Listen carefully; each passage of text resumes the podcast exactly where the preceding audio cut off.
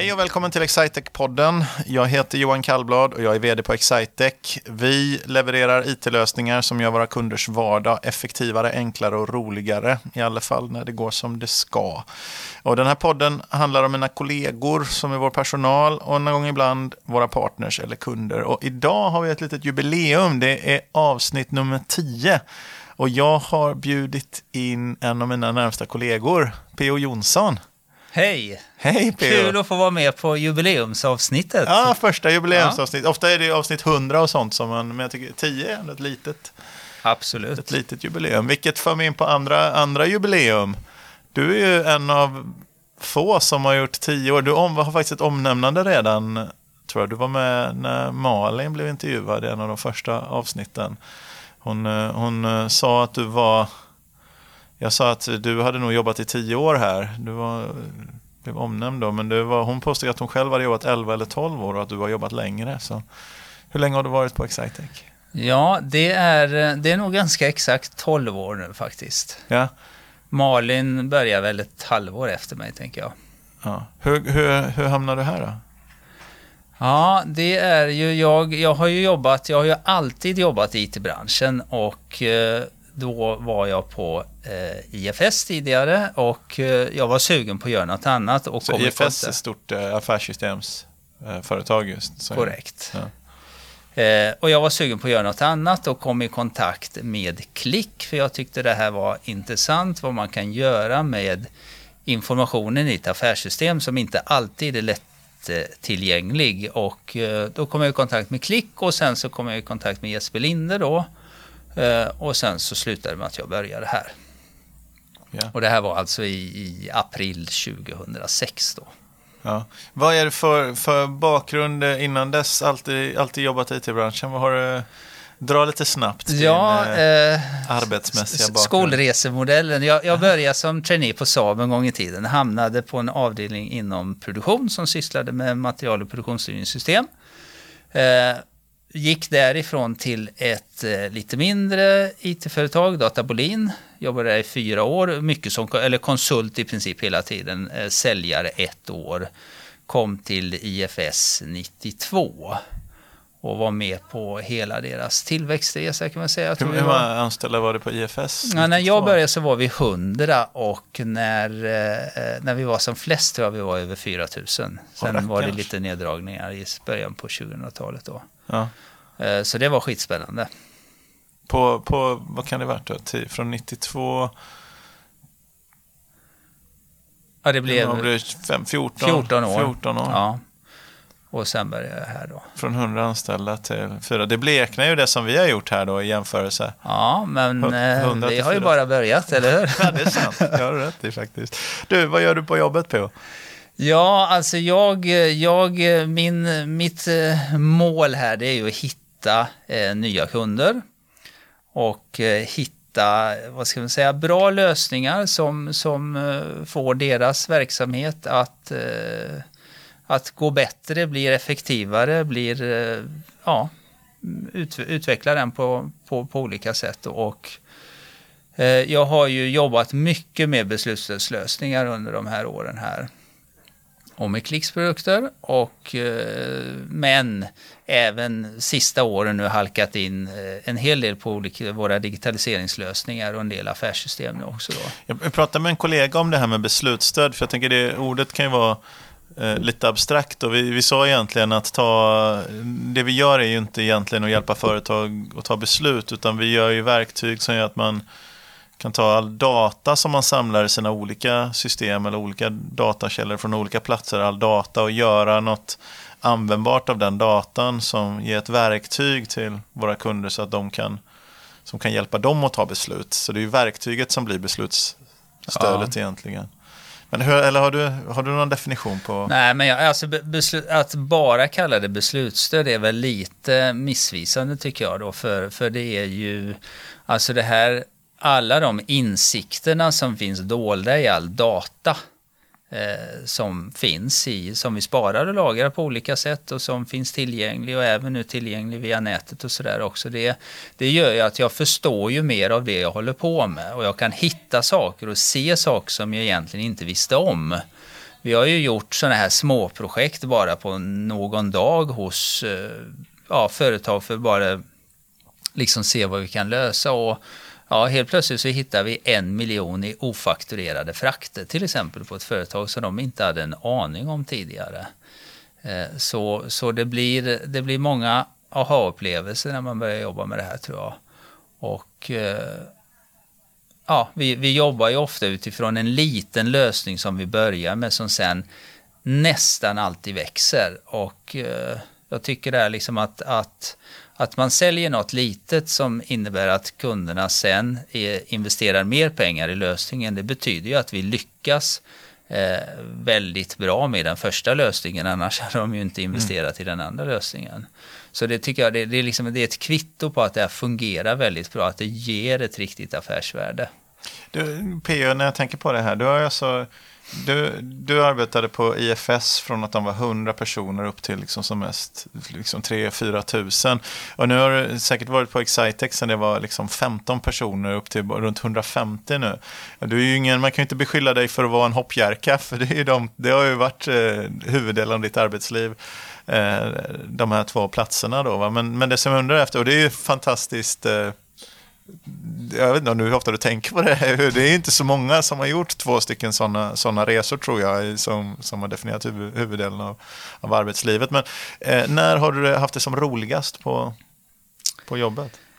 Eh, oj, det är ju bra fråga. Ja, men, men jag tycker det, det som får någon att, eller det som får mig att vara kvar på en arbetsplats, det är ju liksom Eh, alltså mycket handlar ju om innehållet i det du gör, men just den här liksom som själen som kan finnas på, på, på, ett, på en arbetsplats där man är ett gäng som jobbar tillsammans eh, som är prestigelösa, man hjälper varandra och man har liksom jäkligt kul tillsammans. Det är ju det tror jag som gör att man faktiskt blir, klar, blir kvar på en arbetsplats.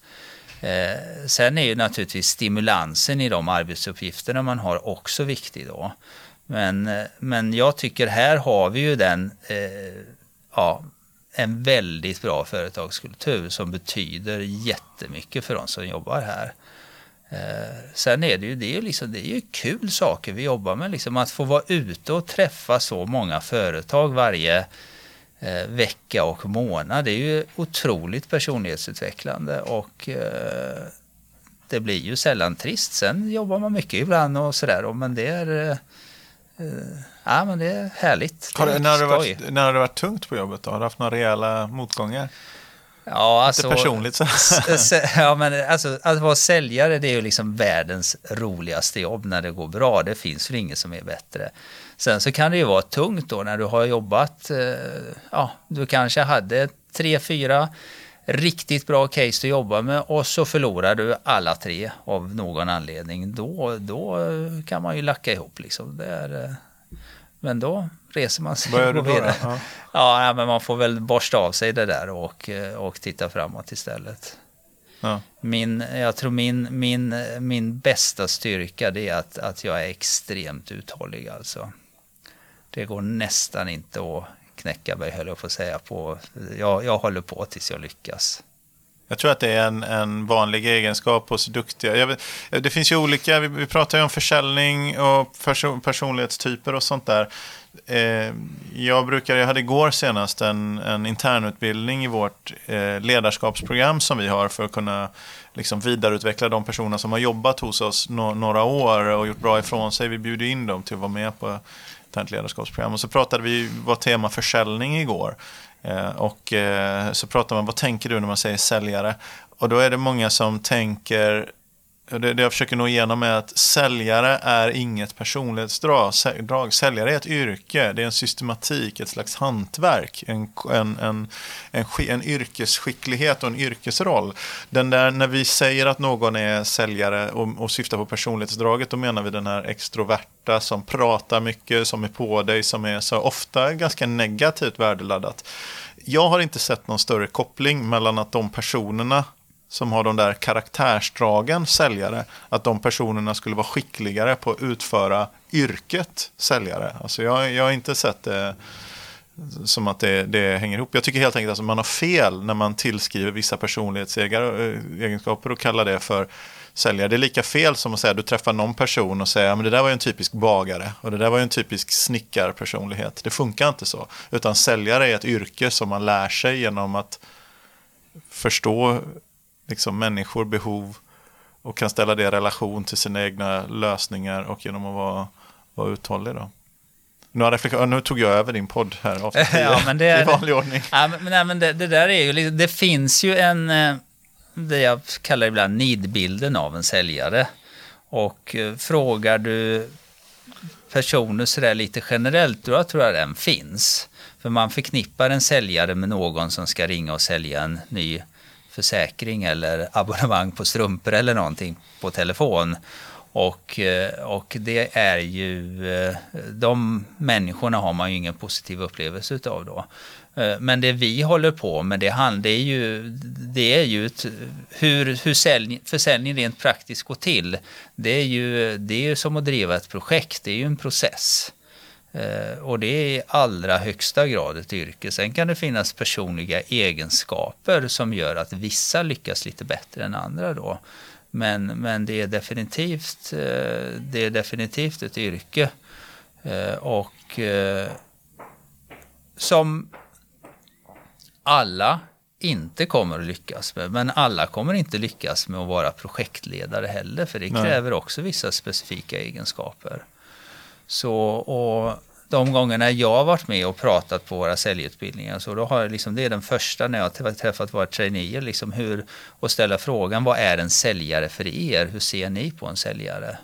För det är, eh, det är i, i våran bransch är det viktigt att förstå eh, att det är någon som, det vi ska göra, vi ska liksom hitta, vi ska förstå affärsmodeller, vi ska förstå hur ett företag fungerar, vi ska kunna Eh, förstå vilka olika utmaningar som finns och liksom vad det är för saker som är affärsdrivande i en viss bransch för att vi eh, ska liksom vara relevanta i, i det vi pratar om och de lösningarna vi erbjuder. Du och jag har ju pratat ganska mycket om det här över år. Vi har jobbat tillsammans ganska många år nu. Faktiskt i liknande typer av, av, eh, av roller eller med liknande arbetsuppgifter. Eh, ju. Och vi har ju pratat om eh, det här att vi, vi vill ju inte sälja vad som helst till vem som helst som är den gamla nidbilden. Utan vi vill ju sälja någonting som löser ett viktigt problem till någon som då har mandat och möjlighet att, att ta beslut om det för att det hjälper den personen att uppnå sina mål. Det är egentligen, och så vill vi så snabbt som möjligt, om det inte är en person, om inte våra saker kan lösa problemet, om problemet inte är så viktigt i relation till personens mål och om personen inte har mandatet eller ansvaret för att lösa det, då vill vi få ta reda på det så fort som möjligt och så vill vi gå vidare till nästa och hitta ett annat behov. För vi vill inte slösa bort vår tid. Det kommer ändå inte bli något bra. Så vi vill inte slösa bort vår tid med att sälja vad som helst till vem som helst. Men däremot när vi hittar den här matchen, när behovet och vikt och värdet av att, av att täppa igen glappet blir stort och våra saker verkligen kan täppa igen glappet. Det är där som vi kan skapa, som vi också kan, kan få bra betalt. Mm. För, det, för det som vi gör. Och det, och det här in, insikten är att i ett tidigt skede förstå, är det här någonting vi ska jobba med eller inte? Den är ju helt avgörande. Det är ju, eh, eh alltså, alltså just det här att tro att vi kan, att vi kan skapa ett behov genom att prata och diskutera Alltså tjata. Ja, egentligen. tjata, skapa eller tjata. Det kan gå i vissa enstaka fall, men det är ju oerhört sällan. Skulle jag, har, jag har verkligen provtryckt det konceptet. Liksom. och, och, och, det, liksom, det funkar väldigt sällan. Utan, utan liksom förstå om vi har någon lösning eh, på något problem som de är väldigt medvetna om de har. Mm. Många har ju affärsproblem som de inte är medvetna om och de vill heller inte bli medvetna om det. Det ska man också ha klart för sig. Ja, men behovskartläggningen är, är en oerhört stor del av ja. vad vi gör. Snabb behovskartläggning för att kunna ställa i relation till med våra erfarenheter vad vi kan göra. Finns det inte några behov eller någon insikt om några behov om man inte kan skapa den insikten, gå vidare till nästa. Det finns ju, det har vi pratat om också, det finns ju åtminstone 10 000, antagligen 20 000 företag och organisationer i Sverige som är stora nog att vara tänkbara kunder till oss. Och vi orkar bara prata med några hundra, kanske max tusen av dem varje givet år. Ja. Sen finns det många roller på de 10 000 eller 20 000 företagen också, så vi kan ju inte ägna tid åt att slösa med dem som inte, Nej. som inte har behov som motsvaras av vår leverans. Eh, Så det är ju så, ska lönsam, lönsam försäljning skapas ju när man snabbt kan börja lägga tid på rätt saker. Ja, absolut. Eh, Egentligen. För det är tiden som är den stora. Det är en viktig insikt, absolut. Mycket. Eh, spännande. Du, det här är ett ämne som, även detta är ett ämne som, som intresserar mig. Men jag har ju lovat dig, eh, för att du skulle få vara med här på avsnitt 10, att du skulle få medverka i det här eh, segmentet av den här podcasten som vi kallar för Någon berättar om något. Jag, jag kanske skulle behöva jobba på namnsättningen där, men Någon berättar om något. Så P.O. Jonsson, eh, är det någonting som du vill berätta om? Eller prata om? Ja, jag fick ju den här frågan eh, förberett noga. Nej, det har jag inte. Men ett, ett ämne som jag tycker är kul att prata om när man, när man träffar någon som, som man inte känner sedan tidigare, så där, det är nörderi. För, eh, och eh, då tänker jag eh, kanske inte i första hand nördigt töntigt, utan just det där att någon går in för någonting stenhårt. Det tycker jag är väldigt spännande och det intresserar mig en del. Och eh, sen, är det ju, sen blir det ju roligare om det är ett lite nördigt ämne också. Då. Det är, eh, man kan ju snöa in på att spela golf. Men det är ju, det är ju skönare med någon som har snöat in på att spela diskgolf till exempel. För det blir liksom skönare nördigt på något Vi sätt. har, vi har faktiskt redan spelat in ett diskgolfsavsnitt. Ja, här. Vi hade vår kollega. Erik Johansson som, Ja. som eh, valde diskgolf som sitt ämne. Spelar Ja. du diskgolf? Nej, jag har inte gjort det, men jag funderar faktiskt på att hänga på dem vid något Ja, tillfälle. det tycker Så jag låter att, som eh, en bra idé. Men det är, jag, eh, jag har en kompis som är eh, väldigt intresserad av kaffe. Så han har ju snöat in på kaffe, olika kaffebönor och sorter och olika rostningar och sådär. Så att när man, när man ska dricka kaffe hos honom då börjar det med att ugnen står på när man kommer då. och sen så börjar det med att rosta bönorna i ugnen samtidigt som man då förklarar exakt vad som händer i varje sekund med kaffebönan då. Eh, Och sen så ska den ju kylas på ett speciellt sätt och sen så ska den då malas i en speciell kvarn som ska vara skivor som mal, inte knivar för då blir det inte bra. Och sen så en, en jävligt rudimentär eh, kaffebryggare då som är liksom en metallklump bara som väger 20 kilo. Eh, så får man en kopp kaffe där efter en halvtimme. Hur smakar den här då? Ja men den smakar faktiskt väldigt bra. Ja. Så att... eh, Är, är, är, är sm- smaken i rimlig relation till insatsen han lägger? Ja, alltså det kan man ju då diskutera, men, men tycker man om nörderi så liksom allt, den där upplevelsen är ju hela liksom tillblivandet av kaffet där. Och liksom, Så att, ja men jag tycker att det är Att det är vackert liksom själva Ja men det är det nörderiet absolut. så. Har du Sen- något eget? Något Ja, sen, nörderi? jag tänk, tänkte också på en sak. Det är ett radioprogram jag lyssnade på för eh, ah, det är något år sedan. Men det var eh, eh, en snubbe som hade snöat in på blomflugor. Blomflugor är ju de där som man tror är en geting kommer när man sitter i trädgården. Men det är ingen geting utan de bits inte de här. Eh, men då var det inte vilka blomflugor som helst. Utan det var... Tekniskt sett att getingar mer sticks än bits. Men Ja, kanske. Eh, Men, men, men de här han hade snöat in på, de var eh, endemiska på, alltså fanns bara på en specifik ö i Stockholms skärgård. Ett par, Ja. tre olika arter. Och liksom det ägnade han i princip sitt liv åt. Så eh, ja, spännande. Själv nördar jag ju då på, jag gillar ju eh, fåglar och jag gillar att måla fåglar. Eh, och eh, få, fågelskådning är ju något som har varit töntnördigt väldigt länge då. Men har blivit lite mer accepterat nördigt tror jag den sista. Nästan Fort- lite inne. lite, nästan lite hippnördigt. Ja, kanske. skulle jag kunna säga. Hipsternördigt kanske. Är det mycket skäggiga män? Som... Ja, det finns nog en del som, men, men jag tror det handlar lite om att, att fågelskådarutrustning har blivit ganska dyr. Det är, det är rätt mycket Ah. prylar inom Och, fågelskådning. och där fick du in mig i Ja, samtalet liksom igen. där Ja, Johan. Så Berätta ser, mer. Ja, det är ju det, det det är ju liksom mycket optik då. Och bra optik kostar ju mycket pengar då. Så det tror jag är en, en, eh, en sak då. Sen det här med, med eh, mitt måla. Jag har alltid gillat att rita och måla och eh, just det här då var, eller jag tyckte det här liksom bara titta på fåglar, det kan vara kul att göra något mer. Och det började nog någon gång på 90-talet. Jag såg i någon tidning som min dåvarande flickvän hade eh, bilder från en konstnär som heter Lars Jonsson. Och då tyckte jag, alltså det, jag tyckte de var så fantastiskt fina. Så då tänkte jag, men nu har jag min grej här. Så jag kämpar på med det och då inser man ju liksom det man ser som ser så eh, otroligt enkelt och själv, självklart ut är så himla svårt att, att skapa och åstadkomma.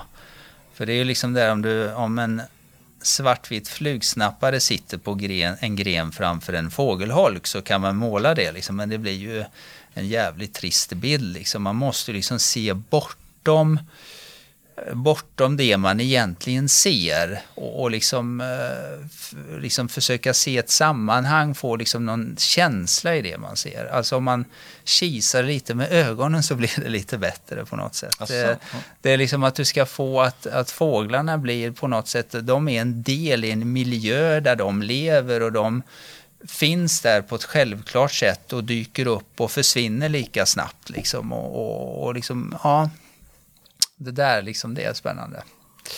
Eh, så jag ska eh, faktiskt ha min första utställning nu här i vår här på Galleri Sander i Linköping den 2 juni. Ah, då fick du plugga en, eh, en egen. Ja, stort 2 juni, ja. Galleri Sander i Linköping. Ja. Per-Olof Jonsson. Deb deb debutant i podcaster och debutant ja, kan man säga. i utställningen. Mm. Annars tycker jag det, det som vi... Det är intressant i fågelskåderi och eh, mål, målandet. Det är inget som, eh, som man ser så mycket eh, på, i arbetet. Ju. Nej, det är Möjligt ganska... kanske noggrannheten och kring detaljer och sådär. Det kan ju, kan ju finnas där. Men det, det som vi alla reagerar på när vi träffar dig annars, det är ju att eh, hur välklädd du är och eh, den typen av saker. Skorna och eh, du är ju den enda som jag känner som har fyra olika par inneskor på jobbet eh, för att kunna ha rätt inneskor rätt dag. Ja, det är ju, det är ju en viktig sak också. Vilket är fullständigt skäligt då. Ja, det är fullständigt skäligt. Det är, ja, men det, det, är, men du hör ju liksom, jag gillar ju lite nörderi där liksom eh, klassiskt herrmode, det tycker jag det är eh, det kan man också nörda in på. Mm. Så att, eh, och skor är ju viktigt då. Det, alltså det finns ju ett miljötänk i det här också, att köpa bra grejer som man har länge eh, som man också faktiskt kan renovera. Man inte behöver slänga hela tiden. Det tycker jag det är, eh, det finns, eh, ja. Det är en positiv grej i det faktiskt. Jag tycker också. du har gnuggat av dig lite där på, på medarbetare runt om dig och höjt, jag tror, det allmänna skointresset här på, på kontoret väsentligt. Ja, du hjälper ju många... till där lite också Johan. Ja, jag gör mitt ja. bästa för att hjälpa till. Men jag, jag får ju bli du har sett till så vi har liksom skovårdsutrustning på jobbet och sådär också. Så ja, det har vi. Medarbetarna kan ha så att vi rätt kan hålla stilen. Ja. spit toe finish på sina ja, dojor. Vi är inte så extrema Nej. tycker jag inte, men om man vill snygga till sina skor så ska man ju inte behöva byta arbetsgivare. så det, tycker Nej, jag, det tycker jag är skäligt. Du, är det någonting som vi som du vill tillägga, något vi har glömt att prata om? Det finns säkert otroligt många saker vi inte har pratat om, men jag tycker det här det var ett bra samtal. Ja, men vad trevligt att ha dig på vårt lilla jub första jubileumssamtal, den tionde inspelningen av Excitec-podden. Tack för att jag fick vara med. Tack så mycket.